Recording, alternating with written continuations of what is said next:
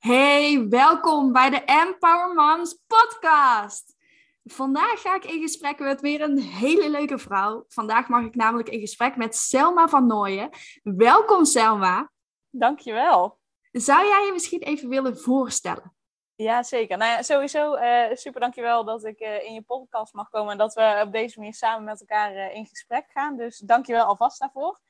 Um, nou, mijn naam is Selma uh, en ik help ambitieuze moeders die zich opgejaagd voelen en verlangen naar overzicht en rust. En dat zijn vaak die moeders die alle ballen hoog aan het houden zijn, alles perfect willen doen, um, alles en voor iedereen dan nog willen zijn en tegelijkertijd daarin in tweestrijd zijn. Omdat ze zoiets hebben van, nou ja, ik wil er voor mijn kinderen zijn, maar als ze bij hun kinderen zijn, dan zien ze nog eh, dat er van alles in het huishouden moet gebeuren. Of er moet nog een mailtje beantwoord worden. Of als ze een eigen bedrijf hebben, er is nog een klant die op antwoord wacht. Um, en tegelijkertijd, hè, dan, dan doen ze even tijdens mamadag even iets. Maar dan voelen ze zich ook weer schuldig, omdat ze die tijd dan weer niet aan hun kinderen hebben besteed. Dus zo zitten ze dan continu in tweestrijd. En uh, het zijn ook vaak moeders die zelf uh, snel volwassen hebben moeten worden. En die dat deel niet aan hun kinderen door willen geven. Um, maar daar zijn ze soms te erg zich van bewust en te erg mee bezig waardoor ze uh, um, ja, daarin misschien een beetje doorslaan en alles echt helemaal perfect willen doen. En dan is dat ook nog een onderdeel van het opgejaagd voelen. Uh, en ja, het liefst willen ze gewoon rust. Dus ik help hen dan onder andere nou, door middel van Reiki. Dus uh, dat is zeg maar even heel snel gezegd een energetische healing. Um, om meer te kunnen ontspannen, meer rust te hebben en tegelijkertijd uh, coach ik hen ook op uh, overtuigingen. Hè? Dus er zijn, uh, daar komen we vast nog op terug, maar er zijn bepaalde overtuigingen die in jou zitten, die eigenlijk bepalen hoe je in het leven staat en hoe je dingen doet. En ook met het innerlijk kind. En daar komen we denk ik ook nog op terug, maar die hangen heel erg ook met elkaar samen. En dat in een, in een traject help ik hen dus naar overzicht en rust, zodat ze gewoon vanuit relaxedheid alles kunnen doen wat ze willen doen. En gewoon lekker kunnen genieten van hun leven met hun gezin en hun werk en hun partner. En uh, dat het gewoon allemaal wat relaxter is. Wat mooi, ja, want dat is ook heel herkenbaar hoor. Die onrust en ook de moeders die ik zelf ook begeleid, die geven daar ook heel vaak aan. Van, ik heb zoveel ballen hoog te houden. Hoe doe je dat dan? En je werk en het huishouden en de zorg voor je gezin en je vriendinnen. Het is vaak ook gewoon heel erg veel. Dus wat goed dat je hun hier ook bij begeleidt. En jij doet dat dan ook voornamelijk door, eh, door het innerlijke kind, wat je net zei. Um, waardoor ben je eigenlijk gaan doen wat je doet? Uh, mooie vraag. Uh, daar, heb ik wel zelf ook een, een hele reis in gemaakt. Ik, ik ben zelf nog geen moeder. Ik hoop dat dat, dat, dat binnenkort wel een keer mag gebeuren. Maar ik ben zelf nog geen moeder. Dus ik krijg ook vraag, vaak de vraag van waarom help je dan moeders als je zelf nog geen moeder bent? Maar ik durfde die doelgroep eerst nog niet te helpen, omdat ik inderdaad dacht van ja, ik ben nog geen moeder, dus hoezo zouden mensen dan bij mij komen? Uh, maar goed, ja, ik zelf, uh, als ik een paar jaar geleden moeder zou zijn geworden, wat ik het liefst zo had gehad. Maar goed, dat, dat was nog niet uh, zo voorbestemd, zeg maar. Dan was ik die opgejaagde moeder geweest, die inderdaad alle ballen hoog aan het houden was, die alles met 200% wilde doen. Uh, en die dan het gevoel had gehad dat ze voor iets of iemand het dan tekort deed. Dus als ik een paar jaar geleden moeder was geworden, dan, dan was ik dat geweest. En dat gaat eigenlijk nog een stukje verder terug. Want ik zelf um, ja, ben ook snel volwassen geworden door verschillende dingen die in mijn jeugd zijn gebeurd. Uh, niet per se hele super heftige dingen, maar wel dingen die, die, nou niet zo fijn waren. Uh, waardoor ik gewoon dat speelse en dat vrije en dat onbezorgde van het kind zijn heb verloren. En als je vraagt waarom doe je wat je doet, nou ja, omdat ik gewoon wil dat het liefst alle kinderen van Nederland, het liefst alle kinderen van de wereld, maar laten we in Nederland beginnen, dat alle kinderen gewoon echt zo lang mogelijk kind kunnen zijn. Want in, tijdens hun jeugd, tijdens het kind zijn, leren kinderen als er gewoon een, een, ja, een basis van rust is, leren ze zichzelf goed kennen, leren ze hun emoties ontdekken. Wat zijn emoties? Uh, wat voel ik? Hoe voel ik dat? Hoe kan ik ermee omgaan? En op het moment dat, dat er bepaalde stress is in het gezin, dan zijn kinderen heel erg bezig met of hun ouders pleasen, want ze willen niet nog meer uh, tot last zijn, of ze gaan juist net heel erg tegen draad zijn om op die manier om, om uh, aandacht te vragen. Dus dan ontstaat er strijd in huis. Maar wat je heel vaak ziet, is dat kinderen dus, die, die voelen als het niet goed met je gaat als ouder. En er is eigenlijk niemand die je zo goed kent als je eigen kinderen. Ze zijn ook niet voor niets je grootste spiegel. Uh, maar die gaan daarin dan een beetje compenseren, waardoor ze minder met zichzelf bezig zijn, maar juist net heel erg met hun ouders bezig zijn. En daarin dus ook niet zo goed ontdekken van wie ben ik nou, omdat ze eigenlijk ja, zeg maar een beetje versmelten met de behoeften van hun ouders. En daarin dus gaan compenseren. En ja, dat is als kind zijn niet fijn, want dan leven ze eigenlijk in stress. Maar later ook als volwassene is dat niet fijn, omdat je dan heel erg gaat lopen pleasen. Heel erg bezig bent met wat de ander nodig heeft, in plaats van wat je zelf nodig hebt. En dan, nou ja, vervolgens herhaalt dat patroon zich weer met je eigen kinderen. Uh, dus daarom wil ik gewoon dat kinderen zo lang mogelijk kind kunnen zijn. En ja, dat bereik ik het beste door, door echt met ouders aan de slag te gaan. Ja. Ja, want je geeft inderdaad aan van jouw kinderen zijn je spiegel en die nemen eigenlijk alles van jou over. Dus op het moment dat jij je gestrest voelt, bijvoorbeeld, zijn jouw kinderen ook gestrest. Op het moment, net, vaak net, hè, op het moment dat jij heel erg gehaast bent, s ochtends, en je wilt de deur uitgaan en je denkt van, oh, ik heb al zo weinig tijd, uh, dan nemen je kinderen dat over en krijgen ze vaak een driftbui of een huilbui. Maar je zegt van, hè, dat, dat kan ook komen door iets wat jij bijvoorbeeld hebt meegemaakt in jouw kindertijd, uh, waardoor je reageert zoals je reageert. Is dat dan je innerlijk kind? Bijvoorbeeld dat jij op een bepaalde manier reageert? Of hoe zou jij het omschrijven? Ja, het, het innerlijk kind omvat eigenlijk meer dan dat. Dus uh, ja, uh, in het contact met je kind, met je eigen kind, kan je innerlijk kind naar boven komen als je bijvoorbeeld als, als kind zijnde, en dat, dat hoeven geen hele grote dingen te zijn. Hè? Het hoeft niet te zijn dat je mishandeld bent geweest of, of misbruikt of zo. Dus dat hoeft niet eens. Kunnen kleine dingen zijn geweest waardoor je als kind zijnde bijvoorbeeld het idee hebt gekregen, ik doe er niet toe of ik ben niet goed genoeg. Uh, dat er bijvoorbeeld heel vaak tegen je werd gezegd van, hey, uh, dat je moest huilen, hey, stel je niet zo aan, weet je wel. Dus dat je daardoor bijvoorbeeld het idee hebt gekregen van, oh, mijn, mijn emoties mogen niet zijn, ik mag er niet zijn. En dan kan het dus zijn dat in het contact met je kind, bijvoorbeeld als je kind niet doet wat je graag wilt, dat op de een of andere manier onbewust dat stuk getriggerd wordt. Van hé, hey, ik doe er niet toe. Van hé, hey, ja, zelfs mijn eigen kind vindt dat ik er niet toe doe, want ik doe niet wat ik zeg, zeg maar. Dus op die manier kan dat tot uiting komen, maar dat kan ook gewoon in het dagelijks leven met andere mensen zijn, op je werk zijn, met je partner zijn, eh, ook nog steeds met je ouders zijn. Um, dus, dus het zit in meer dan dat. Maar dat is bijvoorbeeld een onderdeel van het innerlijk kind. En dat valt weer te linken aan die overtuigingen van de ervaringen die je als kind hebt. Uh, bijvoorbeeld ontwikkel je de overtuiging, ik doe er niet toe of ik ben niet goed genoeg. Dus die overtuigingen zitten eigenlijk in het innerlijk kind. Ja, ja en inderdaad, dus wat je in het verleden hebt meegemaakt en wat jou enorm heeft geraakt bijvoorbeeld, dan neem je dan mee naar nu.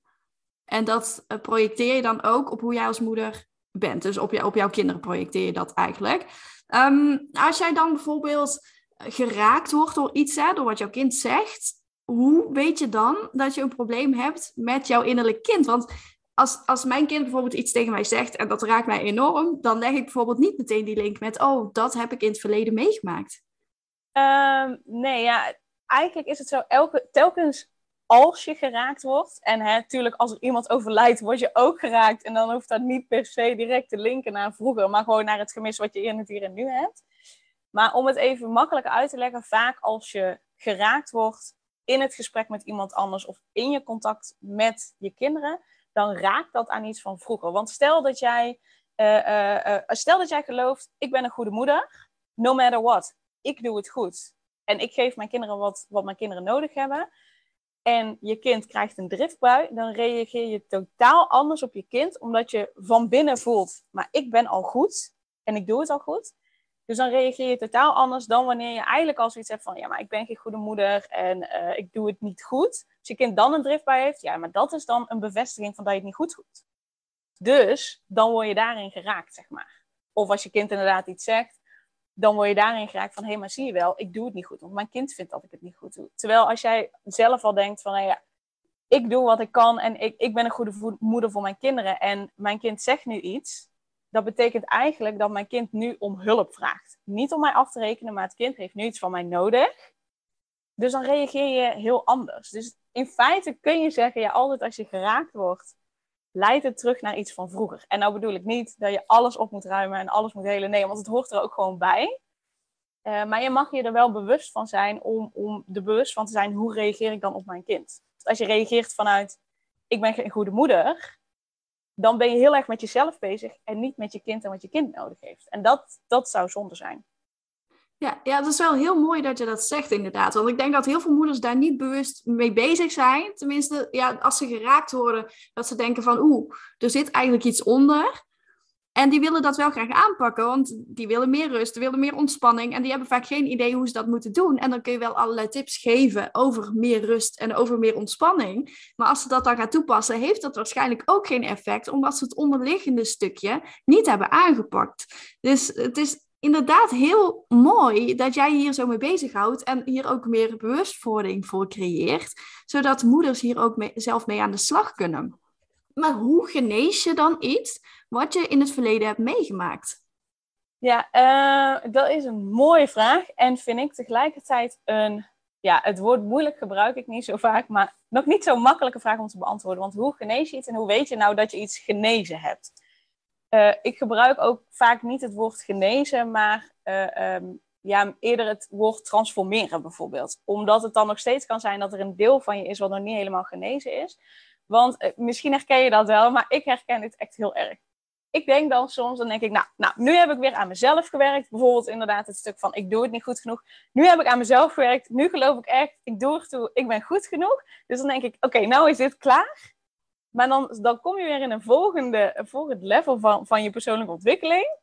En dan gaat het een tijdje goed. En dan vervolgens kom je weer ergens te, loop je weer ergens tegenaan. En dan denk je, potverdorie, dit stuk, had ik, daar had ik toch wel iets mee gedaan. Maar je komt telkens weer een level verder of zo. Ze zeggen ook wel uh, nieuw level, nieuw devil.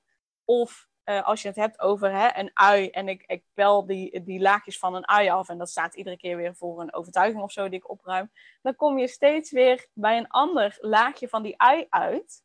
Um, dus ja, wanneer, wanneer weet je dat je het genezen hebt? Ja, ik denk dat je dat niet altijd goed weet. Voor dat moment, als je merkt van hé, hey, ik voel zoveel meer rust. Als mijn kind nu iets zegt van, oh, ik moet jou niet of ga weg of wat dan ook, en dat raakt je, uh, en de volgende keer dat je kind dat zegt, raakt je dat niet, maar dan zie je, hé, hey, wacht even. Mijn kind zegt nou niet dat ik een slechte moeder ben. Nee, mijn kind roept, geeft, of, uh, geeft aan dat het iets van mij nodig heeft. Geeft een bepaalde behoefte aan. Oké, wat heeft mijn kind nodig? Als je die switch kunt maken van niet geraakt worden naar, oké, mijn kind geeft nu iets aan, dat heb ik nodig. Dan kun je zeggen, ja, kun je dan zeggen dat je genezen bent? I don't know. Maar dan kun je in ieder geval zeggen, hey, deze ontwikkeling heb ik doorgemaakt en dit raakt me niet meer zo. En misschien dat het de volgende keer wel raakt, hè, want mannen voelen zich misschien bijna iedere dag wel hetzelfde, maar als vrouwen fluctueren we vaak wel in, in uh, hormonen ook. Dus ene keer zal het misschien meer raken. Dus ja, ik weet niet of je het ooit helemaal volledig geneest, zeg maar. En hoe pak je dat dan aan? Want ga je dan echt aan de slag met die belemmerende overtuiging? Bijvoorbeeld, ik kan het niet of ik ben niet goed genoeg? Of doe je dat op een andere manier? Um, uh, dat kan op meerdere manieren. Dus daarom benoemde ik op het begin inderdaad, uh, ik werk zeker ook met overtuigingen, want daar zit gewoon de basis. En dat heb ik heel lang alleen op die manier gedaan. Wel samen met Reiki, maar um, ik merk dat het soms, ja, hoe moet ik dit uitleggen? Soms wordt het gezien als, oké, als ik aan die overtuiging werk, dan is het helemaal genezen en geheeld. Maar ik merkte dat daar een stukje miste. Want wat ik heel vaak zie bij, bij de, de klanten die ik help, is dat ze heel goed zijn ook wel in, in zich bewust zijn van, van wat er speelt. Het prima vinden om iemand daarvoor in te schakelen, om daarmee aan de slag te gaan. Als het op overtuiging zit, is dat ook prima. Maar het stukje innerlijk kind, dat innerlijk kind in zichzelf, dat innerlijk kind in zichzelf koesteren, daar blijven ze het liefst meest van weg. Waardoor je wel, zeg maar, uh, die overtuigingen uh, die geven je wel meer rust. Want als je gaat van ik ben geen goede moeder en je gaat geloven in ik ben wel een goede moeder, dan is er nog steeds een klein deel die het niet zo makkelijk vindt om echt te genieten. En daar zit dat innerlijk kind in. Dat innerlijk kind is gewoon echt van het, van het genieten, van in het hier en nu zijn, van, van creativiteit. Um, dus, dus daarom neem ik die graag samen. En dan gaat het er vooral om ja, contact maken met dat innerlijke kind in je. En je hebt eigenlijk heb je meerdere, meerdere innerlijke kinderen, maar om, om daar helemaal over uit te werken, dat is even too much in één podcast. Maar laten we zeggen één innerlijk kind. Om daar contact mee te maken. Om echt te kijken, oké, wat heb ik nodig? Wat, ja, vooral wat heb ik nodig om, om te kunnen genieten, om dat innerlijk kind meer naar boven te laten komen. Want Oh, net schoot er iets te binnen. Ik dacht, dat wil ik nog zeggen. Nou, weet ik het niet meer. Weet niet meer. In ieder geval, het is belangrijk om die twee dingen echt samen te nemen, zodat dat stukje genieten ook meer kan komen. Want vaak, eh, dat was het, vaak vinden moeders het lastig om dat stuk naar boven te laten komen. Want wat er heel vaak is gebeurd, is ze weten wel, oké, er zijn vroeger dingen gebeurd, die zijn niet handig, die zijn niet fijn, maar mijn moeder heeft zo op mij gereageerd, dus dan gaan ze het bagatelliseren, want die heeft vroeger ook een bepaalde jeugd gehad, of mijn vader heeft zo gereageerd, want die heeft ook een bepaalde jeugd gehad. Maar jouw innerlijk kind heeft daar niks aan, want jouw innerlijk kind is geraakt. En je innerlijk kind wil niet dat er gebagatelliseerd gaat worden, maar dat is wel vaak de manier waarop, nou in ieder geval mijn klanten ermee om zijn gegaan. Dus dat stukje bagatelliseren loslaten en echt die emoties er laten zijn, wat dat innerlijk kind, dat gekwetste innerlijk kind voelde, dat is super belangrijk om, om die overtuiging nog beter zeg maar, in je te laten werken. Dus daarom vind ik die combinatie zo belangrijk. Ja, en jij begeleidt moeders, hè? Um, want op het moment dat jij moeder wordt, word je heel erg geconfronteerd met je eigen kindertijd, wat je net ook vertelde. En ook je eigen ouders, hoe jij bent opgegroeid, hoe je bent opgevoed. Is dit vaak het moment om hiermee aan de slag te gaan? Of een, op het moment dat ze bijvoorbeeld net moeder zijn geworden? Of wanneer is het moment dat mensen vaak hier hulp bij zoeken?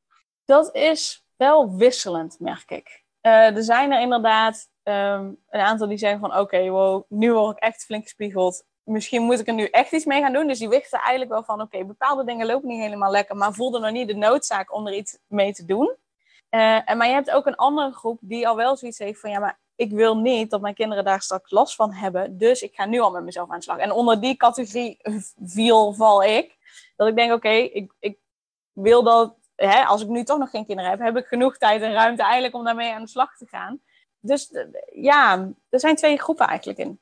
Ja, je had het net ook al over verschillende overtuigingen, hè? Van, uh, van die belemmerende overtuigingen, van ik ben niet goed genoeg.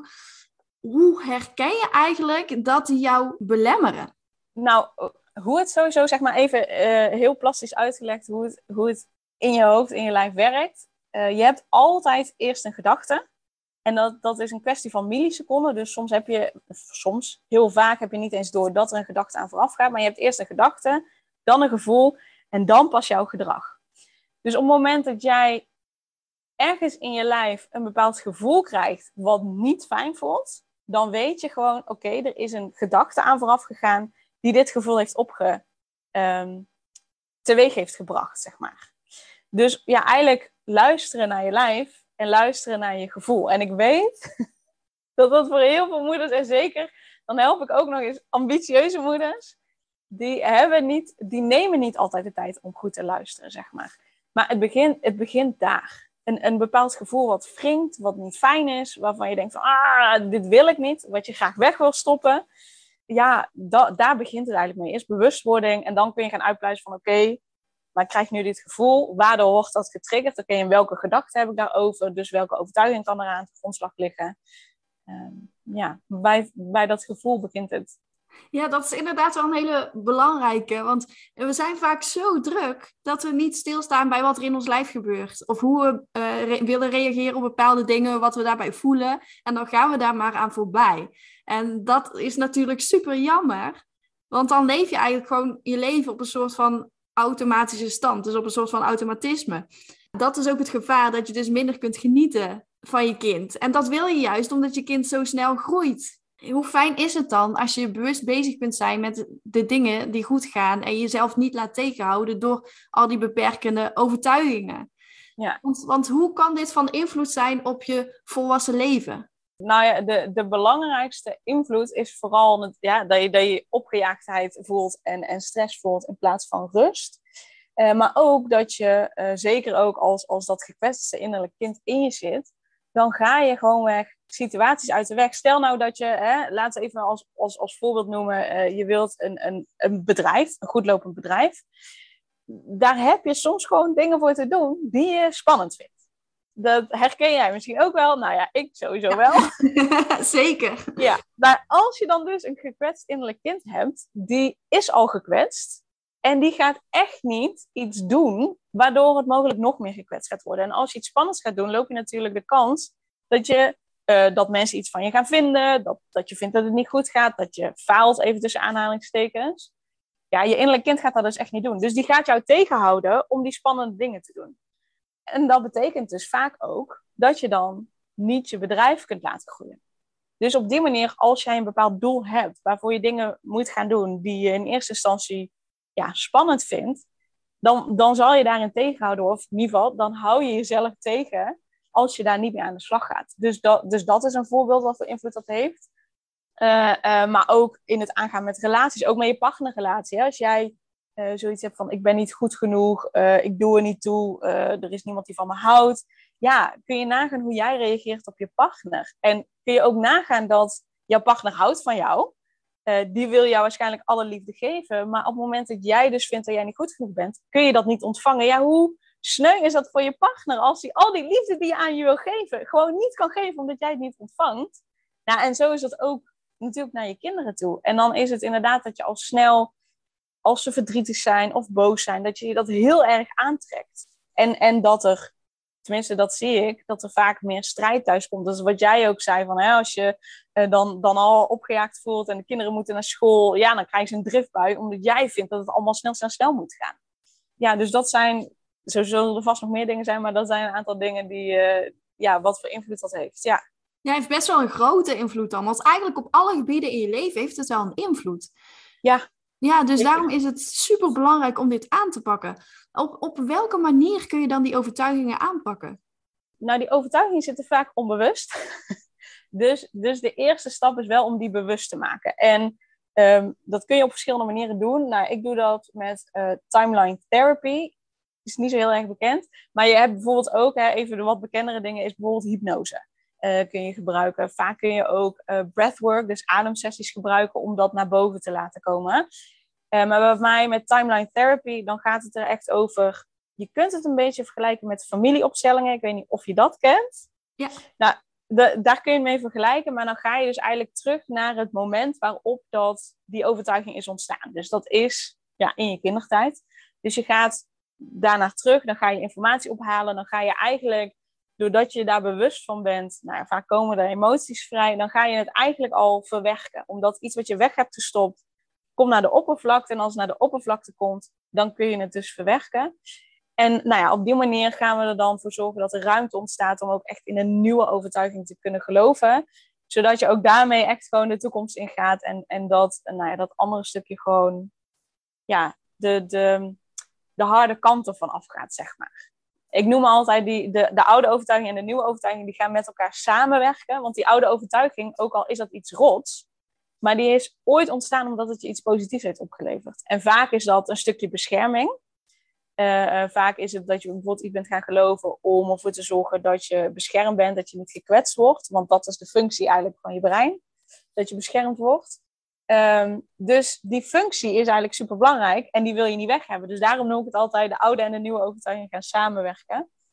Uh, maar ja, dat is onder andere met timeline therapy. En vaak uh, doe ik er dan ook nog de volgende sessie, zeg maar, gaan we rijkje doen op het familiesysteem. Zodat dat stuk ook um, ja, op, een stuk daarvan in ieder geval is opgeruimd. Dus ja, op die manier doe ik dat. Maar dus vaak is het werken met het onbewuste. Ja, mooi, inderdaad. Ja, want op het moment dat jij dat onbewuste stuk hebt aangepakt, ja, zul je merken dat je er bewust gewoon wat meer relaxed mee om kunt gaan en dat het daardoor wat minder raakt. Dus uh, zeker goed om hierbij stil te staan. En als je bijvoorbeeld vroeger iets hebt meegemaakt, hè, als je iets hebt, hebt gemist in jouw kindertijd, bijvoorbeeld bij jouw ouders, ze hebben bijvoorbeeld weinig liefde gegeven, of op een andere manier heb je iets gemist, fysiek weinig aanwezig of emotioneel weinig aanwezig, dan kun je dit zelf over gaan compenseren op het moment dat jij kinderen hebt. Want dat hoor ik ook heel vaak uh, bij de moeders die ik begeleid, van oh, maar ik heb dit gemist, dus ik let hier extra op. Maar ja, je kunt daarin ook doorslaan. Doordat je echt alleen maar focust op dat stukje. En dus bepaalde andere stukjes daardoor eigenlijk mist. Dus hoe kun je voorkomen dat je jezelf daarin verliest? Bewustwording. je bewustzijn van oké, wat heb ik gemist? Je bewustzijn van oké, waar ben ik dan dat inderdaad extra aan het geven?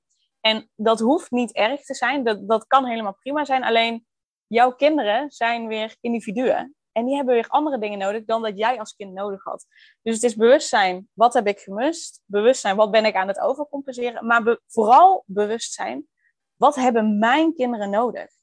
hebben mijn kinderen het inderdaad... Stel hè, dat je een hele strenge opvoeding hebt gehad en je hebt zoiets van, dan wil ik mijn kinderen niet aan, dus ik laat ze heel vrij.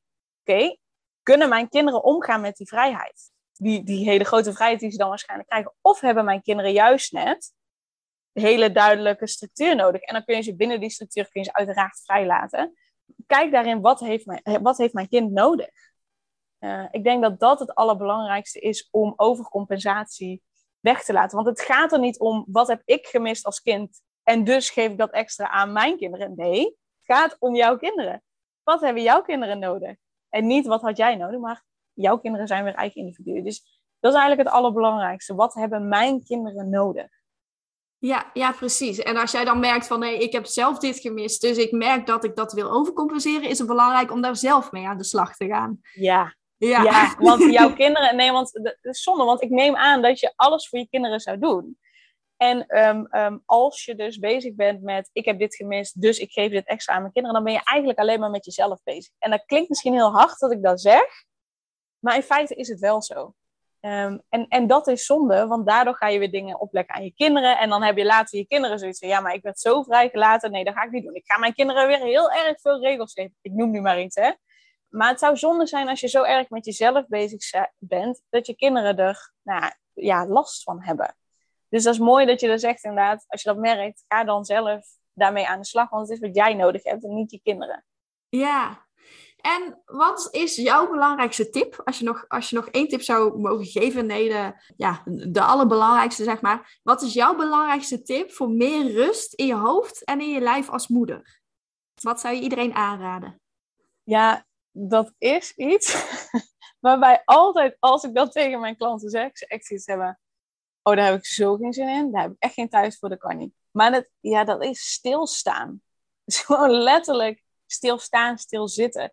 Want dat is zeg maar de grootste uitdaging. En dan zeg ik niet, ga meteen een half uur mediteren. helemaal niet. Maar begin gewoon met vijf minuten op de bank zitten voor je uitstagen. En dan kun je daarbij ook nog, hè, dat is dan weer een stap verder. Maar dan, dan kun je ook vervolgens gaan voelen, oké, wat voel ik in mijn lijf?